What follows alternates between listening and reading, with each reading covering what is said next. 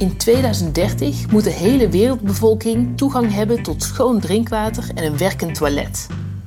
Dat is afgesproken door de Verenigde Naties. Ook Nederland draagt zijn steentje bij en financiert projecten in ontwikkelingslanden met het doel om kranen aan te sluiten en wc's te bouwen. Mooie ambities. Maar dragen Nederlandse projecten ook daadwerkelijk bij aan betere levensomstandigheden? De Algemene Rekenkamer ging op onderzoek uit en vond niet alleen innovatieve projecten, maar vooral ook veel kapotte wc's, gestolen kranen en vervuilde waterleidingen. Een van hun conclusies? Het is onduidelijk of publiek geld uit Nederland blijvend iets heeft opgeleverd. Mijn naam is Saar Slegers en in deze podcast duik ik in de wereld van de ontwikkelingssamenwerking.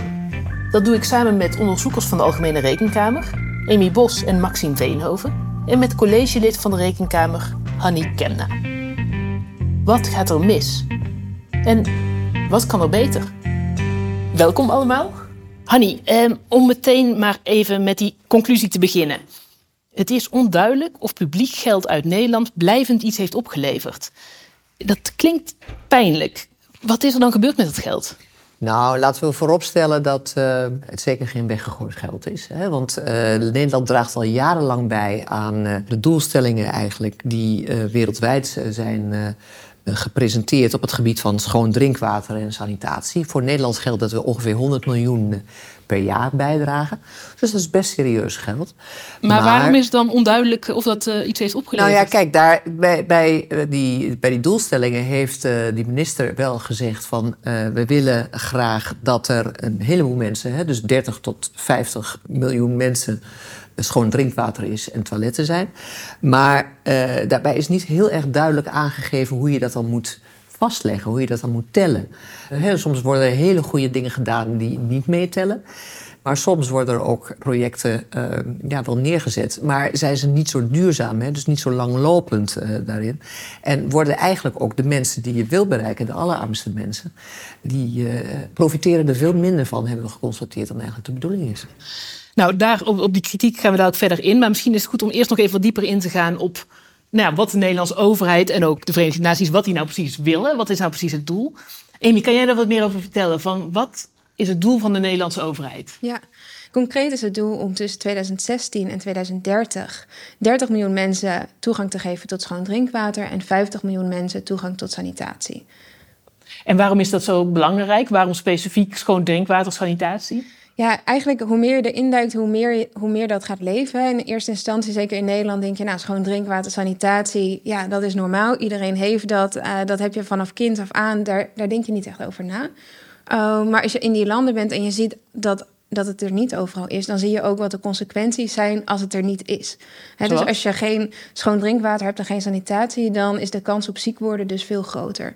Dus vooral veel kindjes onder de vijf die gaan echt dood aan nou ja, simpele ziektes die we hier makkelijk kunnen oplossen, zoals diarree. En dat komt dan echt door dat ze geen ja, schoon drinkwater en sanitatie hebben. Dus ja, wat wij best wel illustratief vonden in Ghana is dat iemand van UNICEF die vertelde ons van ja, als niemand een toilet heeft, dan gaat iedereen dus buiten uh, ja, in het veld of op het strand. Uh, die doet daar zijn behoeftes. Dan gaat het regenen en dan gaan die uh, ja, bacteriën zeg maar, die gaan de grond in. en vervolgens vervuilt dat ook het drinkwater. Dus als mensen dat dan weer oppompen en het wordt verder niet gefilterd, dan word je daar ziek van. Um, en dat heeft een hele negatieve ja, spiraal, vooral voor kwetsbare kinderen, maar goed, ook voor ouderen. Dus ja, dat is één kant van het verhaal, denk ik, ja, echt je gezondheid. Maar het heeft nog veel meer uh, effecten. Want als je ja, thuis geen kraan hebt, dan moet je ergens anders je drinkwater vandaan halen. Um, nou, kinderen die moeten dat uh, vaak doen, of vrouwen doen dat. Uh, en die moeten daar dan best een stuk voor lopen. Soms wel een paar uur per dag. Um, nou, als je dat als kind moet doen en je moet daarna nog naar school, dan kom je en te laat. En je bent best wel moe.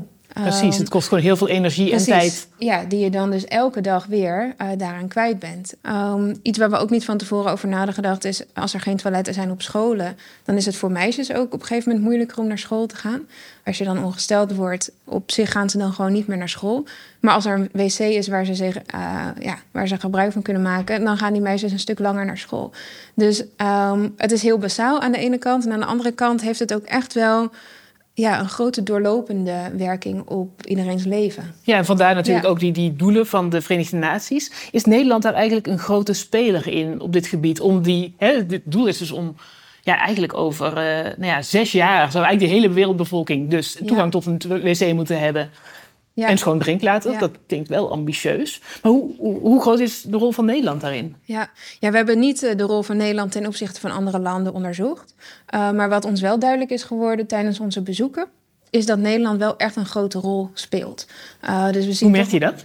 Um, nou, toch wel dat, dat we vaak de enige donor zijn in een bepaald gebied, of de grootste donor zijn. En dat ook wel veel mensen die we daar dan spreken echt wel weten wat Nederland is ja, het viel ons ook wel op hoe, ja, hoe dankbaar die mensen zijn uh, als we daar komen kijken. En we vragen, het is eigenlijk best een gekke vraag. En we gaan naar die mensen en we zeggen, mogen we even naar jullie kraan kijken of even naar jullie toilet kijken?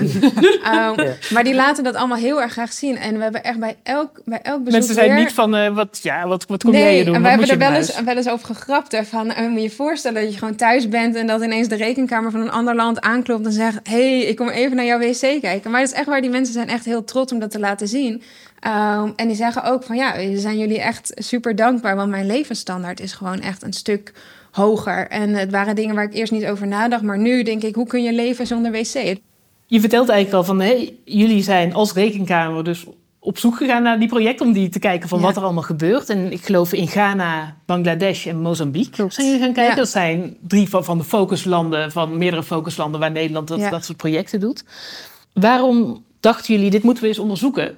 Maxime, kan jij dat vertellen? Wat was de reden om specifiek dit project te gaan bekijken? Dat is uh, leuk dat je dat vraagt, want we hebben in 2008 al eerder onderzoek gedaan naar dit onderwerp, water en sanitatie. Dit is eigenlijk al een beleidsonderwerp wat al sinds de jaren 1970 of zoiets loopt, al heel erg lang. Nederland bouwt al lang toiletten. Nederland bouwt al heel lang toiletten en waterputten, dus uh, voor ons was dat dus ook een goede maatstaf om te kijken van hoe gaat dat nou over een lange periode. In 2008 zijn we begonnen met een onderzoek. Toen hebben we nou, al een paar hele interessante bevindingen gedaan. Dat het beleid niet goed werd onderbouwd. Dat hoe de resultaten bijeenkomen, dat dat eigenlijk ook onduidelijk is. Dus we dachten, we gaan 15 jaar later eens kijken van... hé, hey, hoe zit dat? Is dat nog steeds het geval of niet? Ja, want jullie hebben destijds echt ook aanbevelingen aan de minister gedaan van... Hè, er worden wel zwaar goede projecten gedaan, maar... Er is niet goed zicht op wat er precies gebeurt. Ja, en hoe zeg maar vooral uh, je maakt een mooie doelstelling. Nou, dat, ik denk dat, die, eh, dat dat hartstikke. Dat, daar zijn we hartstikke blij mee, een goede doelstelling. Maar hoe ga je die doelstelling behalen? Welke ja, die doelstelling van zoveel miljoen mensen, ja, uh, schoon drinkwater, zoveel miljoen. Ja, en, goed dan heb je wel een plan nodig. Van hoe ga je ervoor zorgen dat die mensen aan het eind van het van de eind van de streep ook daadwerkelijk een kraan of een wc in hun huis hebben. En we zien dat juist die onderbouwing ontbreekt. Uh, dus nog steeds? Nog steeds, ja. Dus dat was pijnlijk om te zien dat alle aanbevelingen die we in 2008 hebben gedaan, dat we die eigenlijk nog steeds zien. Nu begreep ik ook dat jullie tijdens jullie veldonderzoek, jullie hebben daar een verslag van geschreven, onder meer dus heel veel toiletten bezocht. En een van die conclusies is toch wel dat toiletten bouwen heel iets anders is om dan ervoor te zorgen dat ze ook echt blijven werken. Amy, ja, wat kwamen jullie tegen? Op al die toiletten waar jullie zijn geweest in Ghana en Bangladesh. Ja, ja hier in Nederland zou je inderdaad denken, nou, uh, je hebt een budget en je gaat uh, toiletten bouwen. Um, het eerste wat we hebben geleerd is dat er ontzettend veel verschillende soorten toiletten zijn. Um, en ik denk een mooi voorbeeld is wel um, dat op een gegeven moment was er een project dat begon op een school. En die begonnen met echt gewoon een wc bouwen zoals wij dat ook hebben. Dus een, dat noemen ze dan een flush toilet. Een doorspoeltoilet. Dus een, doorspoeltoilet eigenlijk gewoon met water. maar goed, die zijn best wel gevoelig. Want als je daar iets anders doorheen gooit dan nou ja, wat er doorheen moet gaan, dan gaat het al snel stuk. Um, er zit ook best wel mechanismen in. Hè? Dat water moet erin opgevangen worden, dan weer doorgespoeld worden. Je hebt dan een waterrekening ook. En het belangrijkste eigenlijk, dat water moet ergens naartoe. Dus er moet iets van een riolering zijn.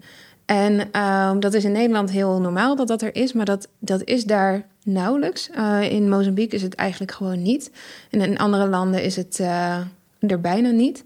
Um, dus dat betekent dat je, dat je daar iets anders voor moet bedenken. Um, nou, een van die dingen die je kunt bedenken, dat is een septic tank. Dus eigenlijk gewoon een bak dat dat dan opvangt. Ja, waar het gewoon allemaal in ehm, terecht komt. Ja, en dat kan best wel een tijdje hoor. Dat kan een uh, je, maanden, soms wel jaren, afhankelijk van hoeveel mensen zo'n wc gebruiken, gaat dat mee.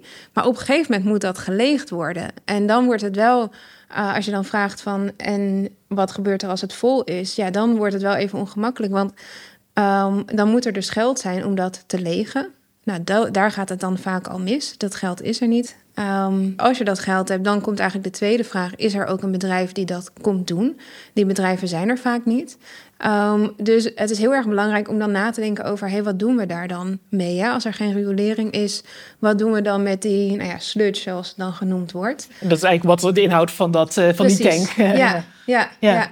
En um, ja, als mensen dan echt een beetje met hun rug tegen de muur staan, hè, van er is geen bedrijf of er is geen geld om dat te doen.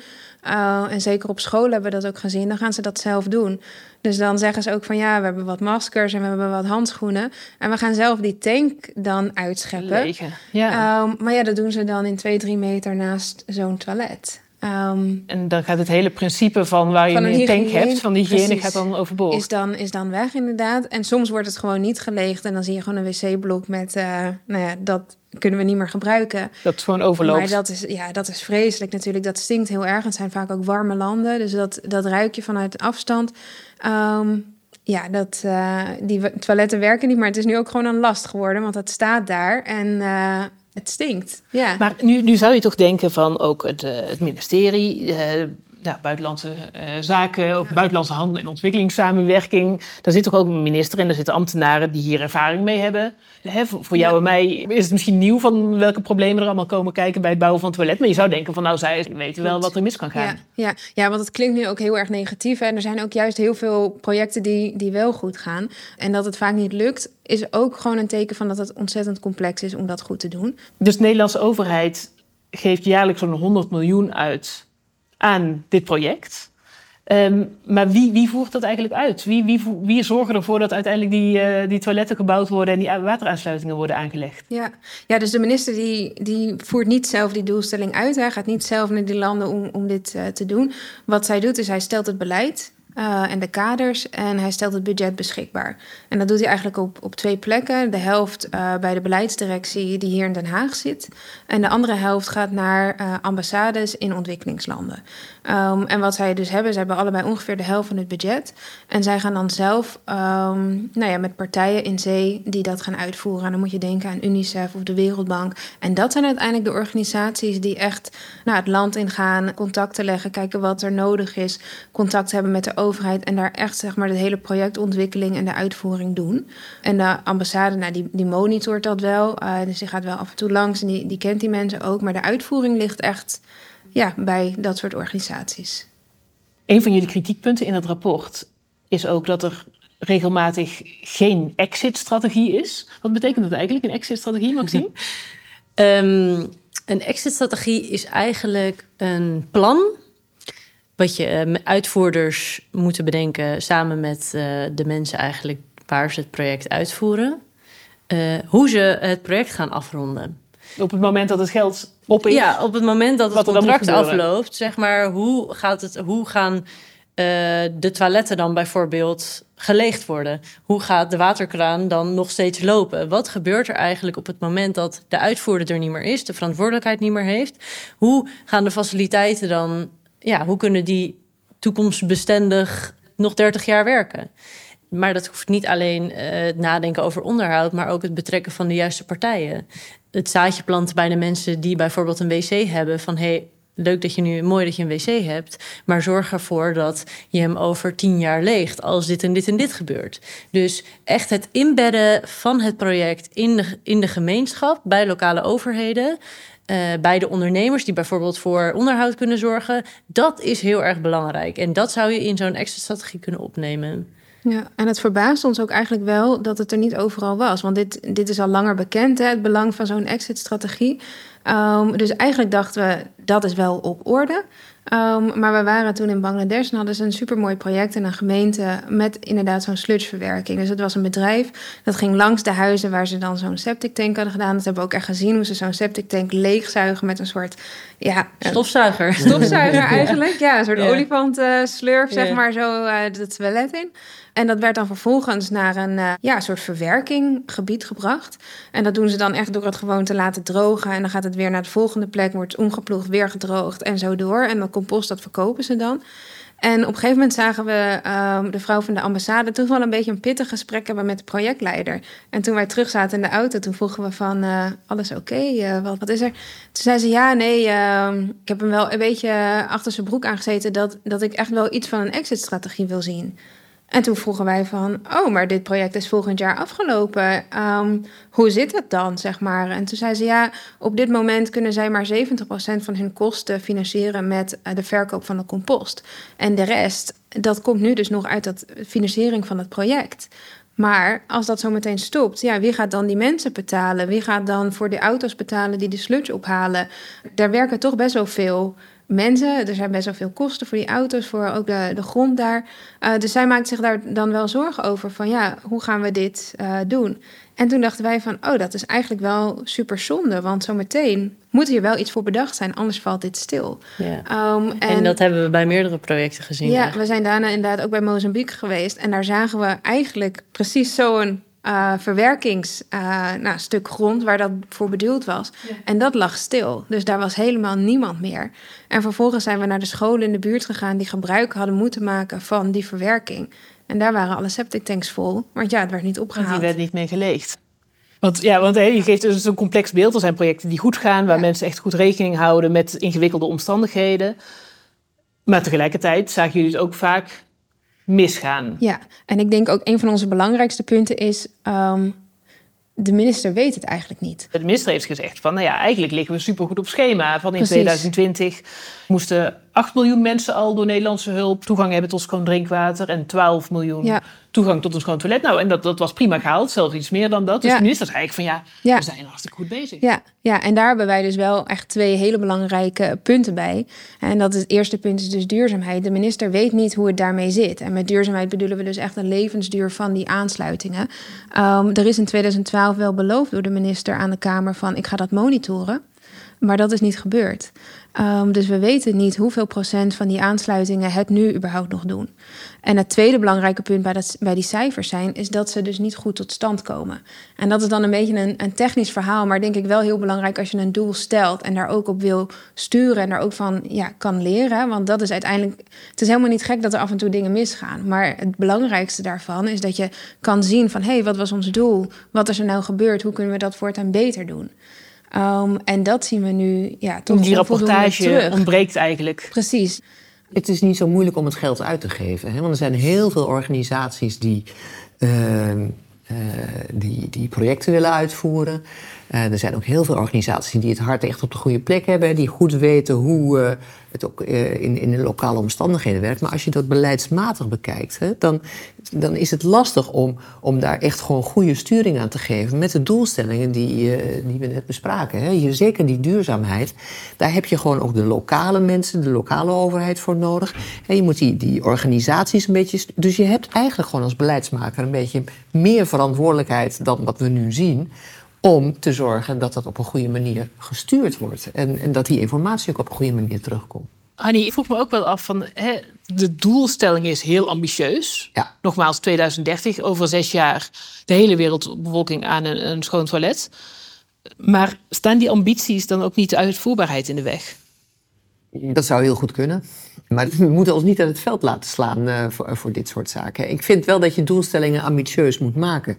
Maar daarnaast moet je zeggen, uh, op, op een realistische manier uh, goed kijken naar wat er dan voor nodig is. En daar ook echt keuzes in maken. Hè. Daar, daar, daar, hebben jullie volgens mij, hè, en ik kijk nu even naar Amy en Maxime, ook zeer uitgebreid met de mensen op het departement over gesproken.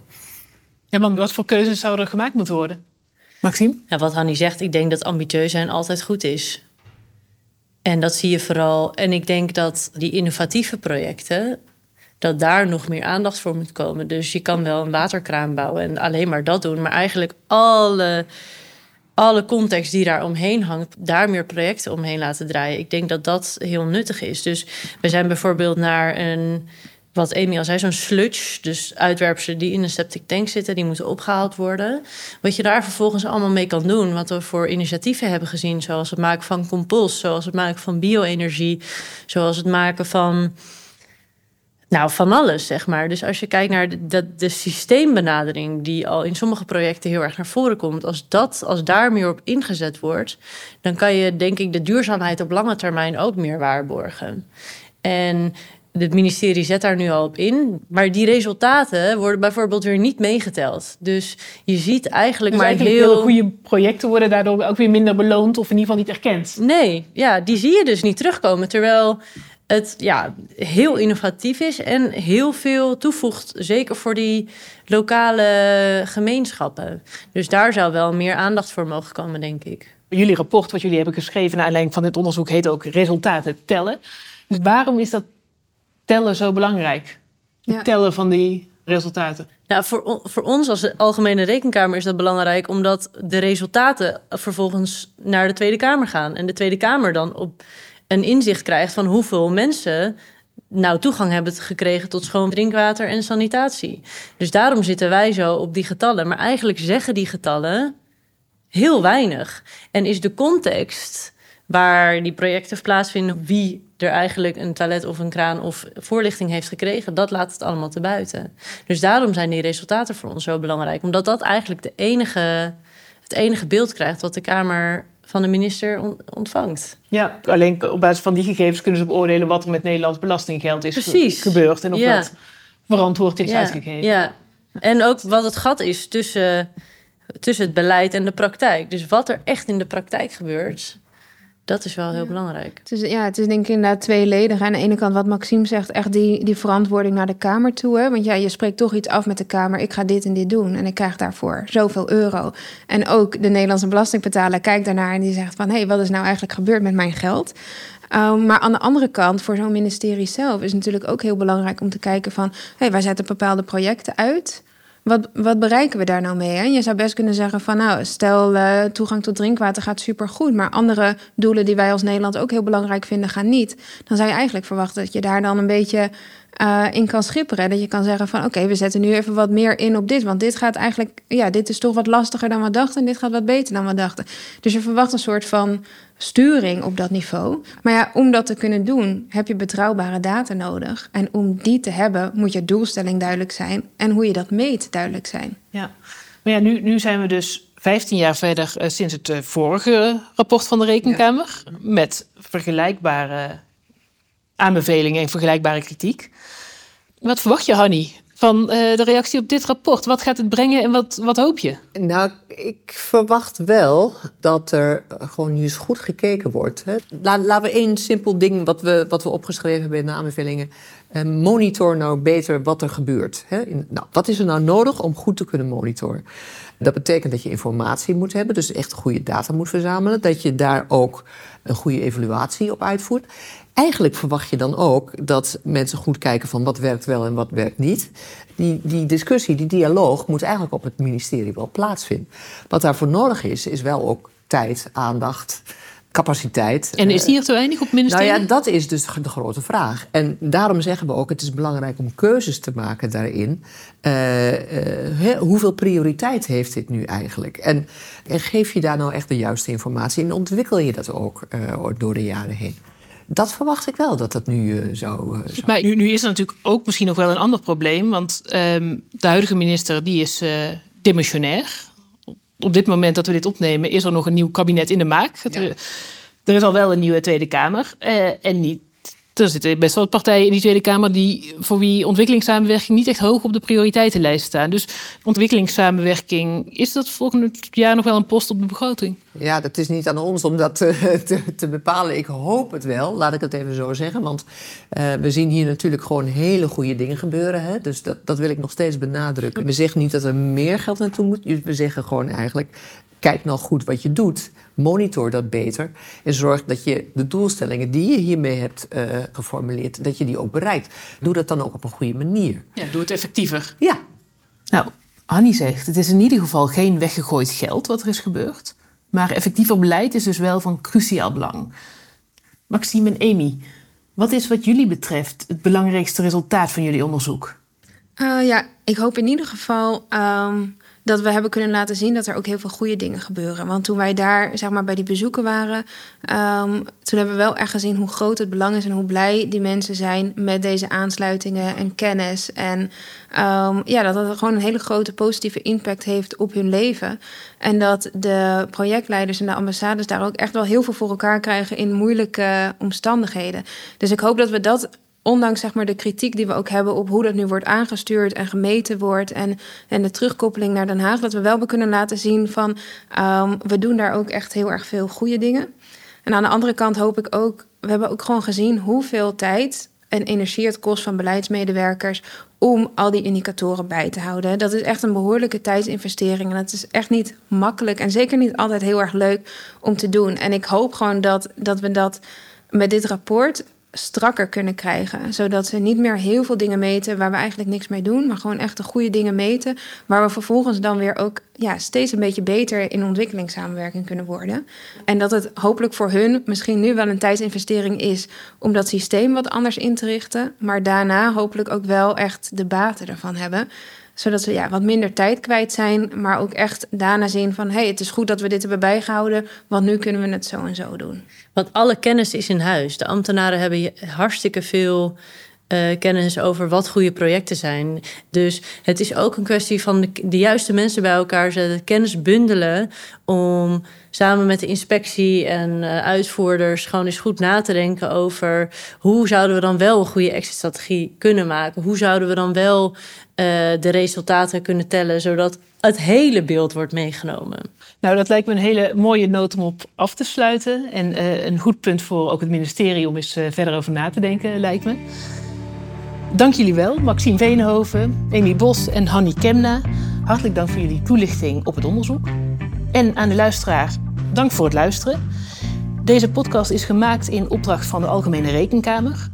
Wil je meer weten over de Nederlandse bijdrage aan toegang tot schoon drinkwater en sanitatie in ontwikkelingslanden? Lees dan het complete rapport. Resultaten tellen. Je vindt het op www.rekenkamer.nl.